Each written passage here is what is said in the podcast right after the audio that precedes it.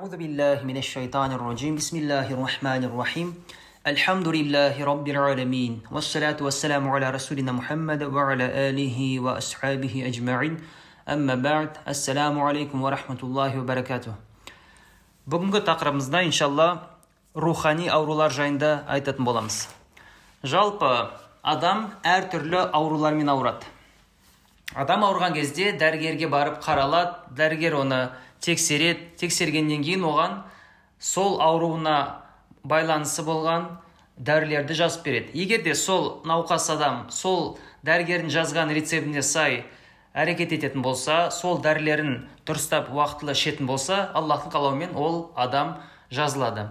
Дәл сол сияқты рухани аурулар бар. Және сол рухани ауруларды емде, емдейтін яғни сол рухани аурулардың емін көрсететін дәрігерлер бар рухани дәрігерлер. Яғни ол әрине баста пайғамбарлар және пайғамбардың пайғамбарлардың соңынан ерген ұлы тұлғалар. Яғни ұлы асфия ғалымдар әулиелер.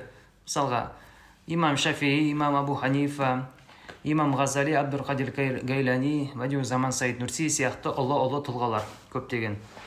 Міне сондай адамдар ә, сол заманның жалпы рухани ауруларын баяндайды және сол рухани аурудан құтылу шараларын да бірге айтып өтеді екен қазіргі тақырыпта да біз ә, төрт түрлі рухани ауруды оқитын боламыз Hatime, şu hatime dört çeşit hastalıkları beyan eder ve tedavi çarelerini gösterir. Бұл соңғы бөлім төрт түрлі ауруды баяндайды екен және сол төрт түрлі аурудан қалай емделу керек екенін de көрсетеді. Birinci hastalık yeistir. Arkadaş amele ve taate muvaffak olamayan azaptan korkar. Yeise düşer. Böyle bir meyusun gözüne dini meselelere münafi, edna ve zayıf bir emare, kocaman bir yürhan görünür. бірінші ауру ол үмітсіздік екен үмітсіздік досым дейді амалға және мойынсынуға қолы жете алмаған соны жасай алмаған адам яғни қандай да бір адам дұрыс амал ете алмай жүрсе шариғатқа сай дұрыс амал ете алмай жүрсе өмір сүре алмай жүрсе аллахқа мойынсұна алмай жүрсе онда ол азаптан қорқады екен ондай адам. Себебі ол адам мұсылман. Мұсылман болғандықтан иман арқылы ақырет күні бар жәннат бар тозақ бар екенін білет. және кімде кім аллахтың бұйрығына мойынсынбаса оны да азап күтіп тұрғанда ол біледі. Сондықтан өзі аллахқа мойынсынбағандықтан амал етпегендіктен шариғатқа сай ол да қорқады екен азаптан. Сол азаптан қорқу арқылы үмітсіздікке түседі. Бітті енді мен құрыйм мені болашақта осындай нәрсе күтіп тұр менің жағдайым ауыр деген сияқты үмітсіздік оны жей бастайды.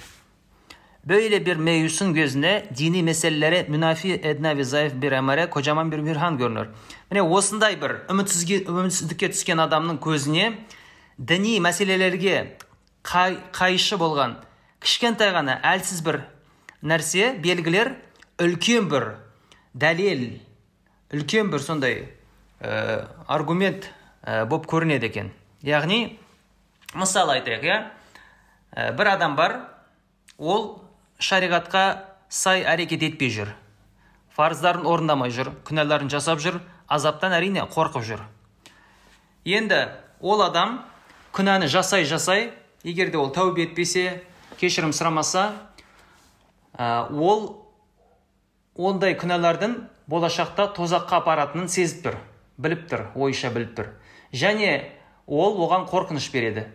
Әрине ондай адам тозақтан қорыққандықтан тозақтан болғанын қаламайды екен. Біртіндеп біртіндеп тозақтан болғанын қаламайды. Себебі тозақтан қорқады себебі өзі өз өзіне шамасы жетпей күнә жасап жатыр. Дұрыс жолмен жүрмей жатыр.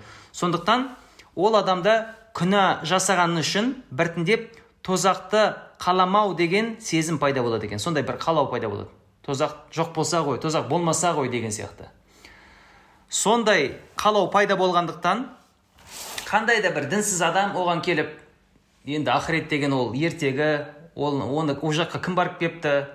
Ол барлығы жай нәрсе ойдан шығарылған нәрсе деп айтса және оған қоса қандай да бір дәлел сияқты бір нәрсе келтіретін болса ондай адам оның сондай бір кішкентай түкке тұрғысыз әлсіз бір дәлел сияқты бір нәрсесіне үлкен бір қуатты дәлел ретінде қарап оны қабыл етуі мүмкін.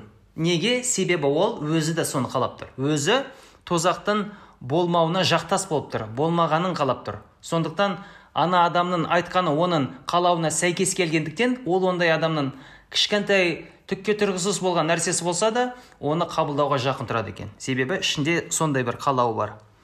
Böyle birkaç emare elde eder etmez diğer emarelerin saykasıyla ilanı isyan ederek İslam dairesinden çıkar, şeytanın ordusuna iltihak eder. міне осындай бірнеше нәрселерді иә белгілерді егер де қолға түсірсе қабылдаса яғни осындай бір дәлелдерді қабылдайтын болса ол ә, діннің исламның шеңберінен шығады шайтанның әскеріне қосылады екен. Неге? Себебі мысал жаңағы мысалда айтқан сияқты егер де ол адам тозақты қабылдамаса немесе тозақты жоққа шығарса онда ол оның исламнан шығуына толығымен жеткілікті. Себебі тозақ деген жаһаннам деген иманның шарттарының бірі. Иманның негіздерінің ішіндегі бір бөлшегі болып тармағы болып саналады. Яғни ақырет ә, иману бил ахир. Ақирет күніне иман. Ақырет күніне иман да жаһаннамның болмысын қамтиды. Яғни жаһаннам жаннат ә, мизан яғни яғни басқа да нәрселерді махшар үлкен сотты соның барлығын қамтиды. Сондықтан егер де кім оған қоса құранда да көп жерде пайғамбарымыз вассалам хадистерінде де көп жерде тозақ жайында ашық анық айтылған. Сондықтан кімде кім тозақты қабылдамаса жоққа шығарса ол адам діннен шығады екен. Ол адам мұсылман болмайды одан кейін. Демек адам мұсылман бола тұра фарыздарын орындамаған үшін күнәларды жасаған үшін тәубе етпеген үшін біртіндеп ол күнәға кіріп кіріп діннен шығып кетеді екен. Сол үшін екінші лемада айтады әрбір күнә ішінде күпірлікке апаратын жол бар екен. Негізінде егер де адам өте үлкен күнәні жасаса ол күнә оны дінсіз қылдырмайды. Ол күнә оны ә, кәпір қылдырмайды діннен шығармайды. Бірақ сол күнәлардың жасалуы оны біртіндеп діннен шығуға апаруы мүмкін. Яғни тікелей өз басына күнә жасау діннен шығармаса да бірақ адамның жүрегін қарайтады қарайтады соншалықты дәрежеде қарайтады иманды ол жерден шығарып жібереді екен. Сондайға дейін апарады яғни жаңағы мысалдағыдай адам күнә жасап жасап соңында жаһаннамның болмауын қалап және болмауын қабылдаған кезде діннен шығып кетті. Оны діннен шығарған күнәнің жасалуы емес жаһаннамды қабылдамау жоққа шығаруы. Міне осы нәрсеге апарғанда не? Күнә жасау және аллахтан кешірім сұрамау тәубе етпеу. Сондықтан адам міндетті түрде не істеу керек? егер де күнә жасап қойса кешірім сұрау керек бинайналейх амале муаффак оламаянlar есе düşmemek için şu ayete müracaat etsin. قل يا عبادي الذين أسرفوا على أنفسهم لا تقنطوا من رحمة الله إن الله يغفر الذنوب جميعا إنه هو الغفور الرحيم яғни егер де адам дейді амалға ә, егер де адам амалдарын орындай алмай жатса егер де адам ә, үмітсіздікке түссе одан кейін үмітсіздікке түспеу үшін және бұл үмітсіздік деген аурудан құтылу үшін осы аятқа осы аятқа сүйенуі қажет.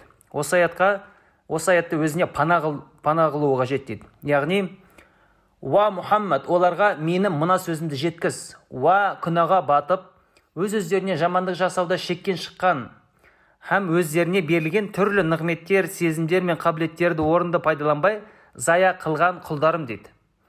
Алланың рақымынан үміттеріңді үзбеңдер. Өйткені алла барлық күнәларды кешіреді. Шүбәсіз ол ғафур.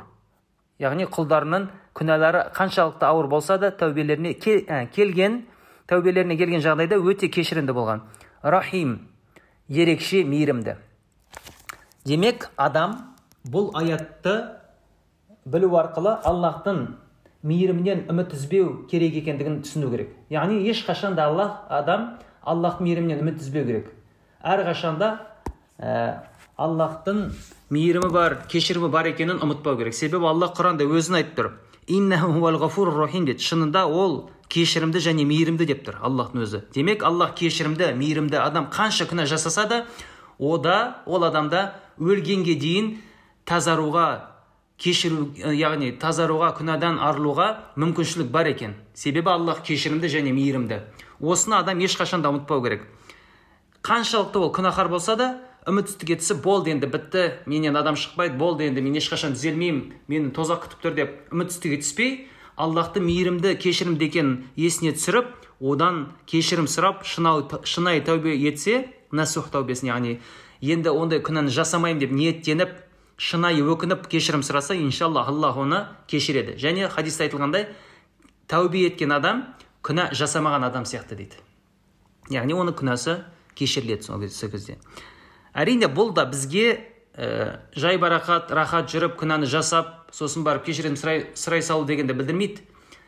Бұл жерде әрине біз ешқашан да күнә жасамауға тырысуымыз керек. Бірақ егер де адам сонда да нәпсісіне еріп шайтанға еріп жасап қойса үмітсіздікке түспей кешірім ә, тәубе есігіне жүгіну қажет. Демек бірінші рухани ауру ол үмітсіздік және үмітсіздіктің шарасы одан емделу құтылу шарасы аллахтың үмітінен яғни аллахтың мейірімінен үміт үзбеу және аллахтың кешірімді мейірімді екенін біліп бұны ұмытпай әрдайым кешірім есігі ашық екенін білу. Міне егер де бұл нәрсені біз білетін болсақ үмітсіздікке иншалла түспейміз.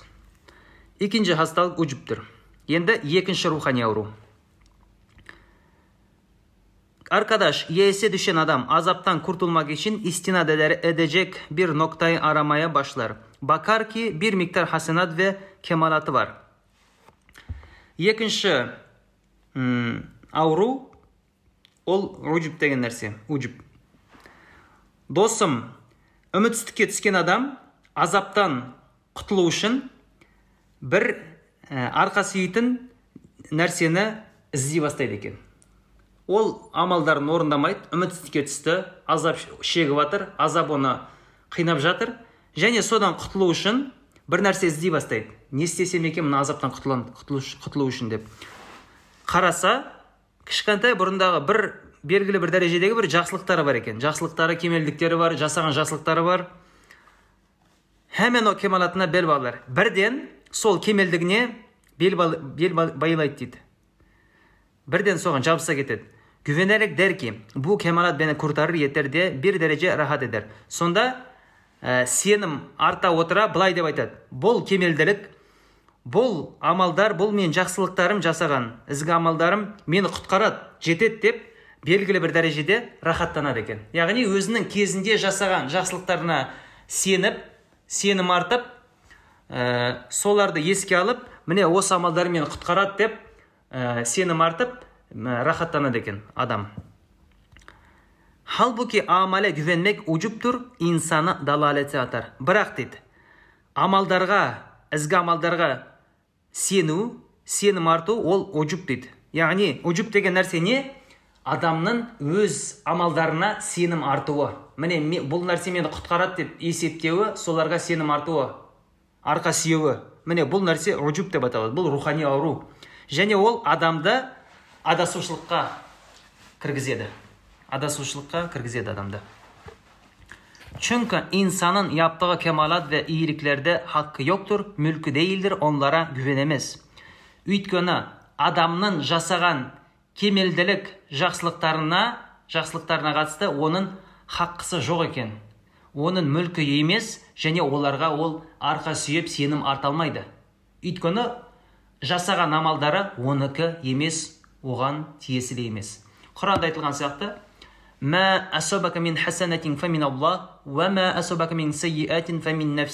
егер де сен жақсылық жасаған болсаң ол аллахтан. Егер де жамандық жасаған болсаң ол өзіңнен дейді. Яғни адам қандай да бір жақсылық жасаса мысалы біреуге көмектесті жақсы сөз айтты зекет берді намаз оқыды ораза ұстады қандай да бас, қандай да бір басқа құлшылықтар етті садақа деген сияқты. Мысалы оның барлығын жаратқан кім? Алла. Яғни біздің намаз оқып жатқан әрбір әрекетімізді ауыздан айтқан ауыздан шыққан тәкбірлерімізді таспихтарымызды толығымен жүз пайыз жаратып жатқан алла. Әрбір атомымызды белгілі бір траекториямен қозғалтып жатқан біздің намаздағы әрекетімізді жаратып жатқан әрбір клеткамызды қозғалысқа келтіріп жатқан барлық алла. Демек намазды жаратқан алла ораза ұстауымызды жаратқан алла біреуге жақсылық жасаған жасағанымызды жаратқан алла. Барлығын жаратқан алла және себепкер ә, болған да алла. Неге? Себебі яғни біз тек қана қаладық аллах оны толығымен жаратты. Бұл жерде біздің үлесіміз жақсылықтағы өте кішкентай вообще түкке тұрғысыз. Ешқандай бір несі де жоқ. Үлесі өте кішкентай. Бірақ толығымен барлық аллах жаратқан үшін ә, мақтау оған тиесілі демек ол оныкі деген сөз. Жақсылық оныкі. Біздікі емес.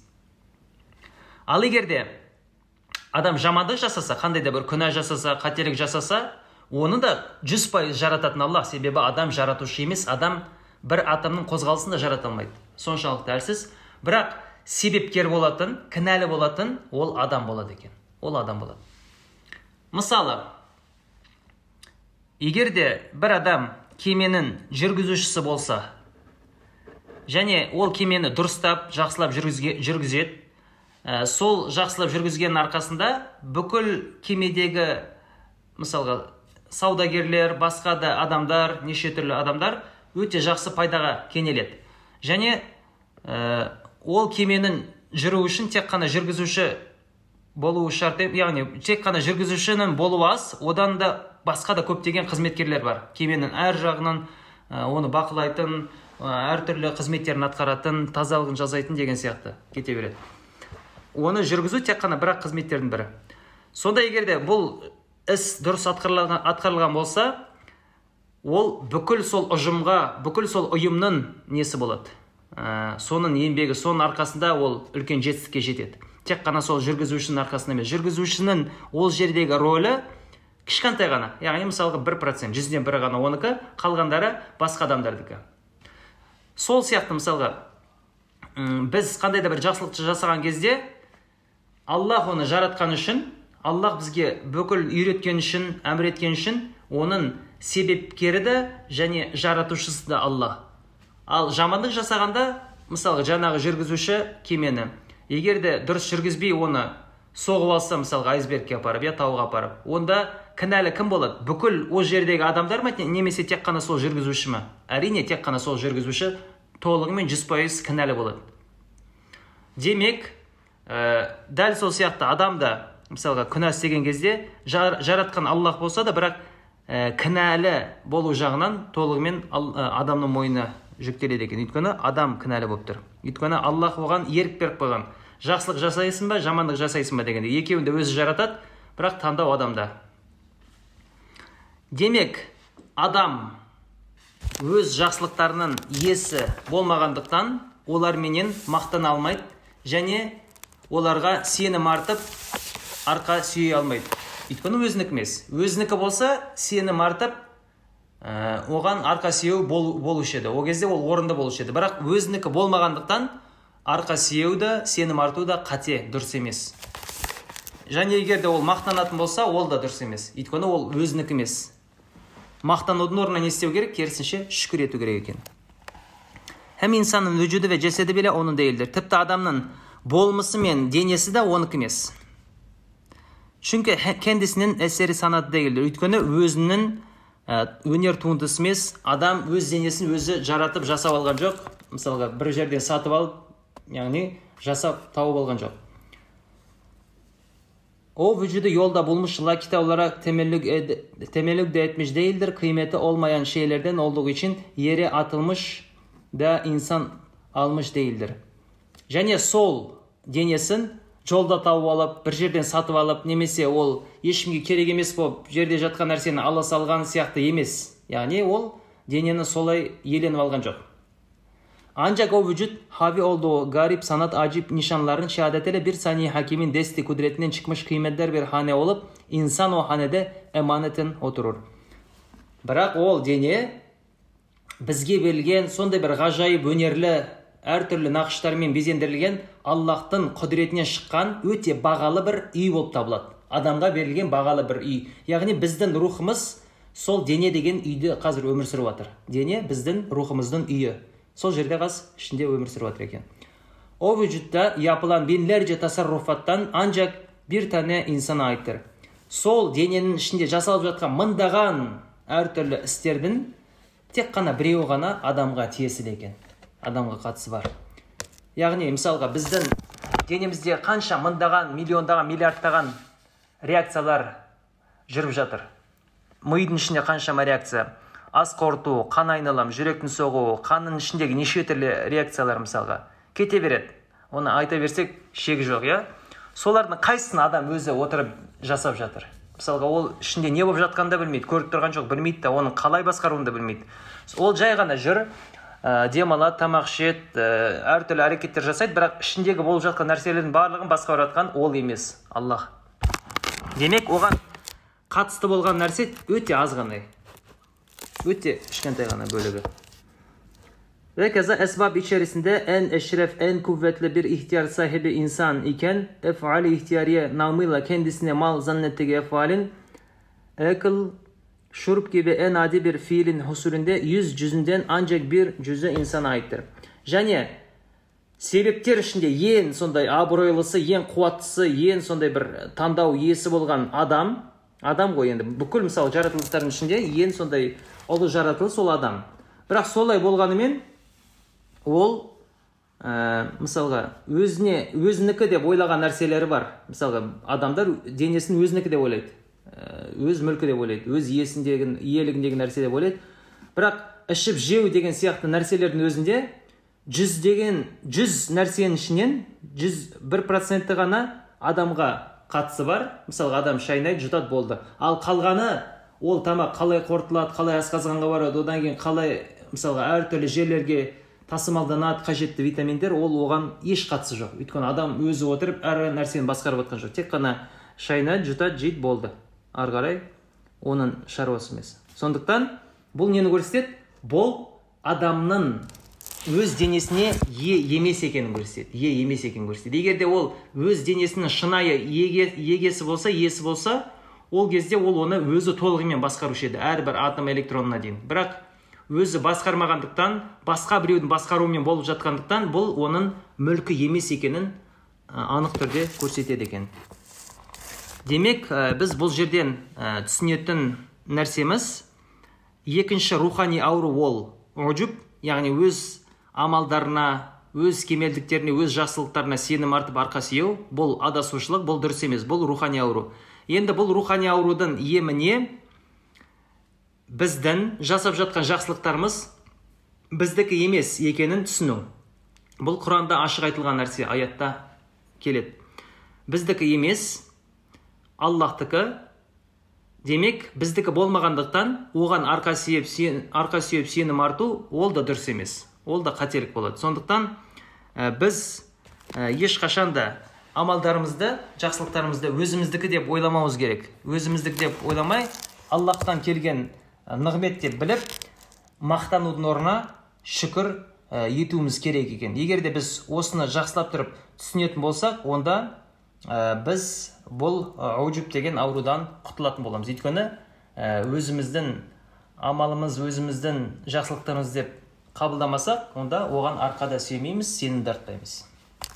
Міне біз бүгін осындай бір төрт рухани аурудың екеуін оқыдық.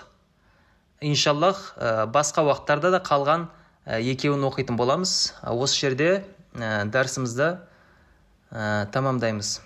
سبحانك لا علم لنا إلا ما علمتنا إنك أنت العليم الحكيم وآخر دعواهم أن الحمد لله رب العالمين.